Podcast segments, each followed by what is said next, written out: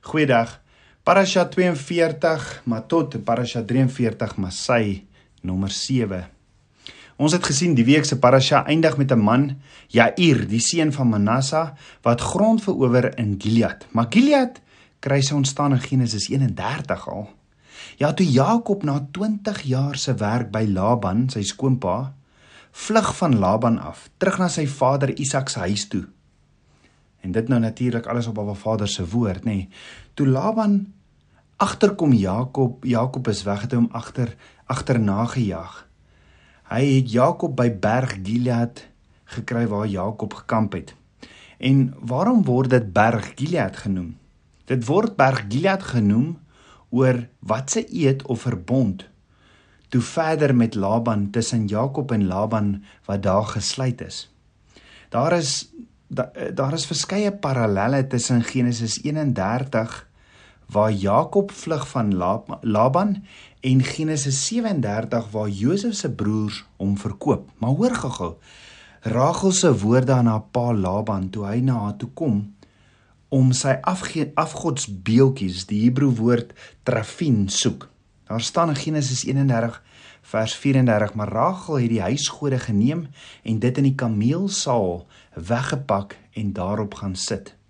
Die woord sê vir ons presies waar sy hulle weggesteek het en waar sy gaan sit het. En niks in Abba Vader se woord staan sommer net daar nie. So Rachel het hierdie afgodsbeeltjies geneem en dit in die kameelsaal weggepak en daarop gaan sit. Nou dieselfde letters in Hebreëus vir die kameelsaal waarin sy die afgodsbeeltjies in sit en op gaan sit het, kan jy ook in Hebreëus met dieselfde letters eersgeborene skryf. Met dieselfde Hebreëse letters. Dis asof daar in Hebreëus hierdie prentjie geskets word van Rachel wat haar oudste seun bo-op die kameel plaas en in werklikheid toe die Midianiete Josef as 'n slaaf gekoop het en weggeneem het, is dit die eersgeborene van Rachel wat verkoop is. Dis amper in Hebreëus asof Rachel haar eersgeborene op die kameel sit as gevolg van die leuen wat sy vertel en Jakob wat 'n eed afleef van die een wat by u by by wie u gode vind, hy mag nie lewe nie. Dit is wat Jakob se woorde was toe Laban by hom kom. Maar so sit Rachel op die afgodsbeeltjies en sê vir Laban haar vader in Genesis 31 vers 35: "My Heer, moenie baie kwaad kyk nie, omdat ek nie vir u kan opstaan nie, want dit gaan met my volgens die reël van die vroue." En hy het gesoek, maar die huisgode nie gekry nie. So sy bly sit. Met ander woorde, Rachel steek die afgodsbeeltjies onder haar weg waar sy eintlik vir haar pa sê sy kan nie opstaan nie. Dis daardie tyd van die maand van 'n vrou en as sy opstaan, gaan haar pa haar bloedbevlekte klere sien. Ah. Kan jy onthou wat het Josef se broers vir Jakob kom wys toe hulle eintlik vir Josef verkoop het? 'n Bloedbevlekte jas. En dan miskien die skokkendste van alles is onthou toe Josef deur die Ismaeliete uit die kuil gehaal was en hulle hom op kamele gesit het en verkoop het, waar het die Ismaeliete nou weer vandaan gekom? Genesis 37 vers 25 sê die Ismaeliete wat uit Gilead kom. Met ander woorde, op dieselfde plek waar Laban sy afgodsbeeltjies kom soek het.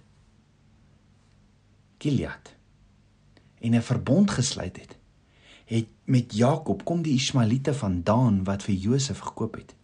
Nie net het Jakob Rachel verloor by Gilead nie, maar ook Jakob se eersgeborene seun Josef is verkoop aan mans van Gilead. En die plek waar hy hierdie eed afgelê het, is hier dieselfde plek waar hy hierdie eed afgelê het. En dit alles kom terug na dit wat Jakob vir Laban sê. Dis alles die begin van hierdie skokkende en donker verhaal van Gilead, maar ongelukkig in die week se maar maar nie ongelukkig nie, gelukkig in die week se parasha, maar tot en Masai eindig die boek van Numeri met duidelikheid oor Gilead. So, hoe hou Jakob se eed die dood van Rachel en die verkoop van Josef alles verband met dit wat in die week se gedeelte gebeur dat Jair die grond verower in Gilead. Omdat die verhaal van Gilead begin tragies, maar gerusstellend eindig dit in 'n amazing verlossingsprentjie van Abba Vader. Maar die vraag bly staan, wat het Jair se landverowering in Gilead enigsins te doen met wat met Rachel, Jakob en Josef gebeur het op Gilead? Om hierop te antwoord, moet ons na Jair self kyk. Wie was Jair? Jair se afkoms blyk iewat verwarrend te wees, maar Jair is uit die stam van Juda wat op een of ander manier die identiteit handhaaf van die stam van Manasse. amper asof Jair 'n aangenome kind is van Josef. Om te verduidelik. Dit gaan alles terug na Gilead, hierdie land wat Jair so instrumenteel besig was om te verower. Net gou-gou weer 'n recap van wat alles gebeur. Ons weet die naam van die land Gilead kom van die verbond bekend as Galed wat tussen Jab, Jaban, Laban en Jakob ooreengekom is. Jakob en Laban het 'n stapel klippe geneem en Laban het Laban het gesê hierdie stapel klippe sal 'n getuie tussen my en jou wees. God sal van hier af kyk lank nadat ek en jy vertrek het en hy sal tussen ons oordeel en ons weet dit was inderdaad so. Onthou Jakob het van Laban se huishouding af weggetrek. Laban se se afgodbeeltjies, hierdie die Hebreëse naam Terafin, is in Rachel se besit en Laban is so seker dat hulle gesteel is en vermoed dat iemand vir Jakob, iemand in Jakob se kamp dit geneem het. Hy gaan toe deur 'n uitputtende soektog, maar kan dit nie vind nie. Laban word deur Rachel sy dogter mislei en aan die einde sluit hy hierdie verbond wat genoem word Galed met ja met uh, Laban en en Jakob sluit hierdie verbond Galed. Maar voordat hy dit doen, het Jakob 'n noodlottige belofte gemaak wat sal terugkom om by Jakob te spook. Jakob sê by wie ook al die afgodsbeeltjies gevind word, hulle sal nie lewe nie. En ons weet inderdaad Rachel het nie geleef nie, want onthou met die geboorte van Benjamin sterf sy voor haar tyd. Dit staan so in die woord. Nou vir Jakob om Rachel regtig te verloor, moet hy mos ook sy kinders verloor by haar. Jakob se woorde, sy belofte en wat gebeur het by Galed hou egter alles verband met Rachel se dood, Josef wat verkoop is as 'n slaaf, maar daar's meer. Onthou by Galed het Jakob geprotesteer. Jakob het woedend geraak vir sy skoonpa Laban se beskuldigings teen hom. Onthou Jakob was onbewus daarvan dat Rachel die afgodsbeeltjies geneem het. As Rachel maar net die waarheid kon sê of kon praat. Jakob sê in Genesis 31 vers 38 tot 41: "20 jaar was ek nou by u U skaap en die bokkoe het ek geen misdrag gehad nie en die ramme van die kleinvee het ek nie geëet nie. Wat die wilde diere verskeer het, het ek nie aan u gebring nie. Ek moes dit vergoed. Van my hand het u dit geëis en dit al bedags gesteel is of snags gesteel het as dit as dit sou gesteel was. Ek was 'n man wat bedags deur die hitte verteer is en snags deur die koue en my slaap het gevlug van my oë. 20 jaar was ek nou in die huis. 40 jaar het ek hier gedien vir die twee dogters. Ag 14 jaar het ek hier gedien vir die twee dogters en 6 jaar vir die kleinvee en het my loon 10 maal verander. So as ons mooi luister na Jakob se woorde hier, dink daaroor. Hoor ons nie hierdie selfde woorde ook op 'n ander geleentheid in die Torah nie? Ja, die eerste keer wat ons hierdie woorde van Jakob hoor, In 'n ander gedeelte in die Torah is waar Jakob sê, die Jakob sê 20 jaar was ek nou by u, u skaap en die bokoeie het geen misdrag gehad nie. Waar hoor ons dit anders in die Torah? Of dink daaroor? Het Rachel 'n miskraam gehad? Nee, sy het nie. Sy het wel 'n swangerskap gehad en dit was 'n baie baie moeilike geboorte, maar dit was nie 'n miskraam nie. Die kind was gebore, maar in plaas van 'n miskraam was die Rachel self wat met die geboorte van Benjamin gesterf het. As sy moontlik vroeër in haar swangerskap 'n miskraam gehad het, sou sy miskien geleef het. Die tweede keer waar die woorde van Jakob ook in 'n ander gedeelte in die woord gekry word, is waar Jakob sê: "Wat die wilde diere verskeer het, het ek nie na u gebring nie." Nou die Hebreëse woorde verskeer het is die presiese selfde woorde wat Jakob gebruik toe sy seun Josef se jas vir hom gebring is. Toe hy sê is hierdie is dis Josef se klere, wille dier het hom verskeer. Dan die derde woorde van Jakob wat ons ook in 'n ander gedeelte in die woord kry, is waar Jakob sê in Genesis 31 vers 39: "Wat die wilde diere verskeer het, het ek nie na u gebring nie. Ek moes dit vergoed. Van my hand het u dit geëis." Nou die woorde van my hand het U dit geëis is die presiese woorde wat Juda gebruik het toe hy van Benjamin, Rachel se jongste seun gepraat het. En ek gaan nou meer daaroor verduidelik, maar eers die vierde woorde van Jakob wat ons ook in 'n ander gedeelte in die in die woord kry is waar Jakob sê in Genesis 31 vers 41: "20 jaar was ek nou in die huis, 40 jaar het ek u gedien vir u twee dogters en 6 jaar vir u kleinvee." En dit is amper asof Jakob vir Laban verduidelik hoe hy in gevangenis gebly het by hom. Jakob vertel vir Laban: "Jesus, ek was soos 'n gevangene by u." En ons weet Josef was ook 'n gevangenes. En sê Josef se woorde in Genesis 40 vers 15, want ek is gesteel, ja gesteel uit die land van die Hebreërs en ek het hier ook niks gedoen dat hulle my in die gevangenis gesit het nie. En dis presies dieselfde Hebreëse woorde wat Jakob gebruik het. Die punt is Alles wat Jakob vir Laban gesê het, het op 'n manier teruggekom na hom toe in die verhale wat die verlies van Rachel en haar kinders behels het. Let wel. Nie net Josef nie, maar Benjamin, Jakob en Rachel se jongste seun Benjamin ook. Benjamin? Ja, onthou, Jakob wou nie gehad het Benjamin moet saam met sy broers na Egipte toe gaan vir kos nie, want hy het al vir Josef klaar verloor en wou nie Benjamin, sy jongste seun by Rachel, vir wie hy so lief was, ook verloor nie. En daarom sê Juda vir Jakob in Genesis 43 vers 8 tot 9: "Stuur die seun saam met my, dan sal ons klaarmaak en wegtrek sodat ons kan lewe en nie sterwe nie. Ons en ook u en ons kinders nie. Ek sal vir hom borg wees, van my hand kan u hom eis." As ek hom nie na u bring en voor u stel nie, sal ek lewenslank teenoor u skuldig staan. Het jy gehoor? Juda ego ego sy eie pa Jakob se einste woorde wat hy aan Laban gemaak het waar Jakob sê in Genesis 31 vers 39 van my hand het u dit geëis. So daar word weer 'n eed afgelê. Selfde woorde in Hebreëus wat gebruik word. Is dit toevallig? Of het Benjamin ook verlore gegaan? Rachel het verlore gegaan, Josef het verlore gegaan van Jakob. Het Benjamin ook? Benjamin het ja. Want omdat die silwerbeker is in Benjamin se sak geplaas en hy was beskuldig van diefstal en gearresteer. Maar hoor gou wat staan in Genesis 44 vers 4 tot 5. Hulle het die stad getrek, hulle was nog nie ver toe Josef aan die opsigter oor sy huis sê: "Maak jou klaar en jag die manne agterna en as jy hulle inhaal, vra hulle dan: Waarom het julle kwaad vir goed vergelde? Is dit nie die ding waaruit my Heer drink en waarmee hy altyd waarneem nie? Julle het verkeerd gehandel met wat julle gedoen het." Dis die presiese woorde: Jag die manne agterna en as jy hulle inhaal, vra hulle dan: Waarom het hulle kwaad vir goed vergelde? Hierdie presiese woorde hoor ons weer in die Torah. Dink daaroor. Waar anders in die Torah hoor jy hierdie woorde agtervolg en inhaal? En het iemand agter ander aangejaag om iets te gaan soek wat gevat is?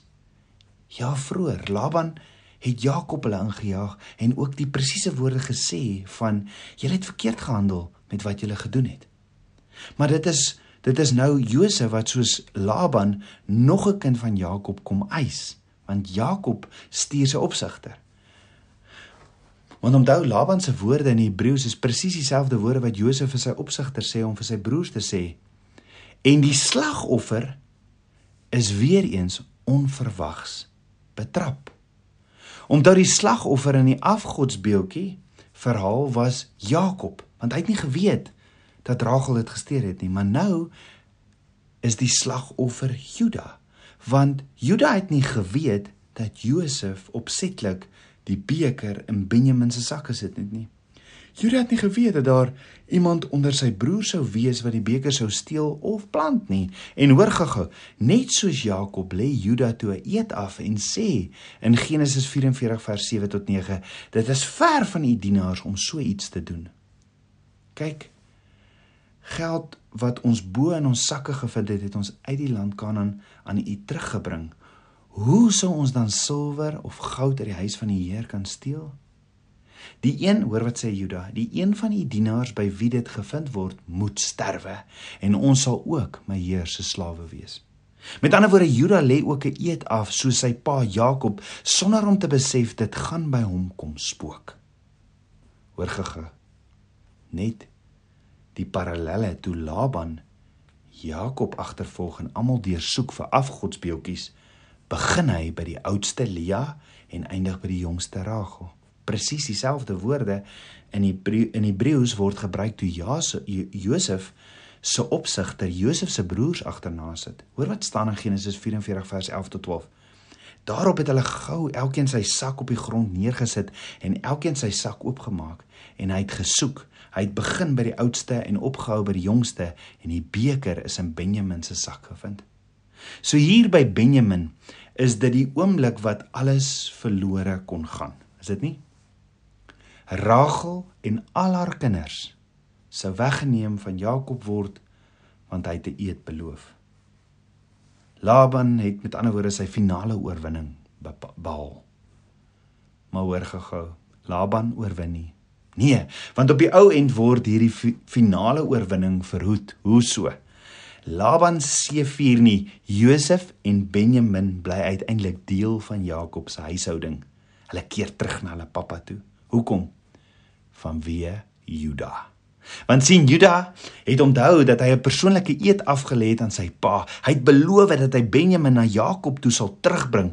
Juda gaan vertel dit alles toe vir Josef, tweede in bevel van Egipte, want hy het nie geweet dis Josef nie. Hy vertel vir Josef die volle waarheid. Tabernakels kind van Abba, wat doen die waarheid? Yeshua is die waarheid want hy sê in Johannes 14 vers 6 ek is die weg die waarheid en die lewe en niemand kom na die Vader behalwe deur my nie Maar kan ek weer vra wat doen die waarheid? Yeshua sê in Johannes 8 vers 32 en julle sal die waarheid ken en die waarheid sal julle vrymaak. So kan ek vra. As die waarheid vrymaak, wat doen 'n leuen? Wat doen 'n vals eed? Dit bind jou in slawerny. Juda het verantwoordelikheid gevat vir die wat hy beloof het met 'n eed aan sy pa. Onthou sy pa het reeds 'n vrou en sy oudste seun verloor. Juda weet sy vader se hart gaan breek en staan toe in vir Benjamin. Juda besluit hy kan nie dat sy broer verlore gaan nie. Hy sal betaal. Is dit nie ook is dit nie ook 'n prentjie van Yeshua want die koning van Juda wat hy kom doen het? Vir al 12 stamme van Israel, die bruid nie? Het Yeshua nie ook vir pappa God gesê, "Pappa, ek sal gaan betaal nie." Het Yeshua nie prys betaal sodat ons meer met pappa God weer met hom kan verenig nie? Maar Judas sê nee. Hy eh, Judas sê hy staan op. Judas sê nee my eerder sodat Benjamin kan teruggaan na ons vader se huis toe. En Josef krak. Ons weet Josef was toe baie emosioneel. Hy onthul homself toe keer beide en en en so keer beide Josef en Benjamin terug na Jakob, hulle pa toe. So aan die einde van hierdie week parasha. So aan die einde van Numeri sien ons die hele verlossingsplan van Abba. Ons sien dat alles verkeerd begin loop het by Gilead.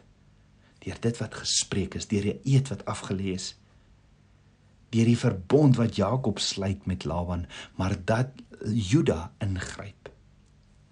Ja, die waarheid kom in die lig en Juda is bereid om te betaal namens Benjamin en so breek dit die verbond met Laban, want die waarheid wat ons ken, maak ons vry. So ons lees in Numeri, Jair het die grond van Gilead verower. So kan jy al verstaan in die gees wat hier gebeur. Numeri sê Jair, die seun van Manasseh, Maar soos ons gesien het, is Jair volgens kronieke eintlik van die stam van Juda. Met ander woorde, hierdie is die finale daad van verzoening en verlossing. Om te verduidelik, jare nadat Juda se broers met hulle pa verenig het, deur Juda wat opgestaan het vir die waarheid, word die grond weer oorwin deur 'n persoon uit die stam van Juda. Jair oorwin die grond van Gilead na, namens Josef of Manasseh. Jair die kind van Juda versorg dat die gronde van Gilead deel word van nie net van die stam van Juda se grondgebied nie, maar ook deel van Josef se grondgebied, Manasse se grondgebied en dat dit deel sal word van die stam van Manasse. Onthou Jair se ouma is die dogter van Magi ben Manasse. Wat 'n vreemde naam, Magier, is dit nie? In Hebreëus klink en spel dit baie soos die woord in Hebreëus vir verkoop. Dieselfde letters in Hebreëus vir Magier en Hebreëus spel ook verkoop. Met ander woorde, dis asof Manasse sy kind vernoem het na die verkoop van sy pa Josef en nou kom 'n kind Jair uit Juda wat hierdie dorpe verower en hy kom hy, hy kon die gronde van Gilead net vir homself vir die stam van Juda verower het, maar hy het nie, hy word 'n aangenome kind van die stam van Manasse en gee dit so vir Josef.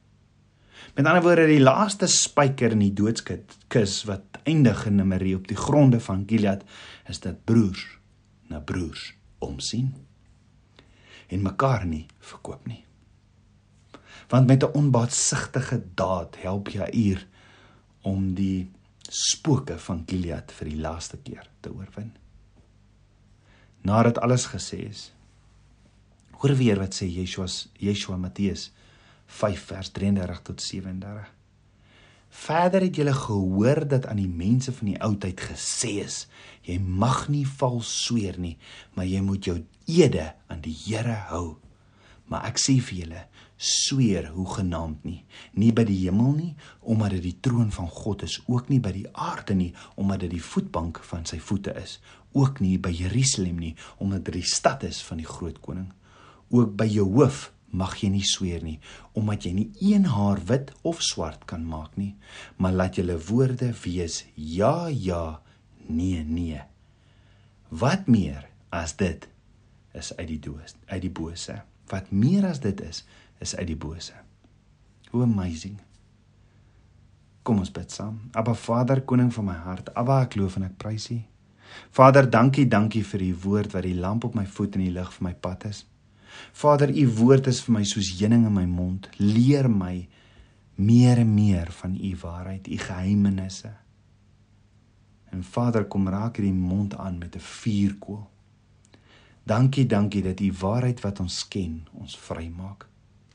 Abba, ek bid dit alles in Yeshua Messie se naam, die seun van Jotai Wawe. Amen. Shalom.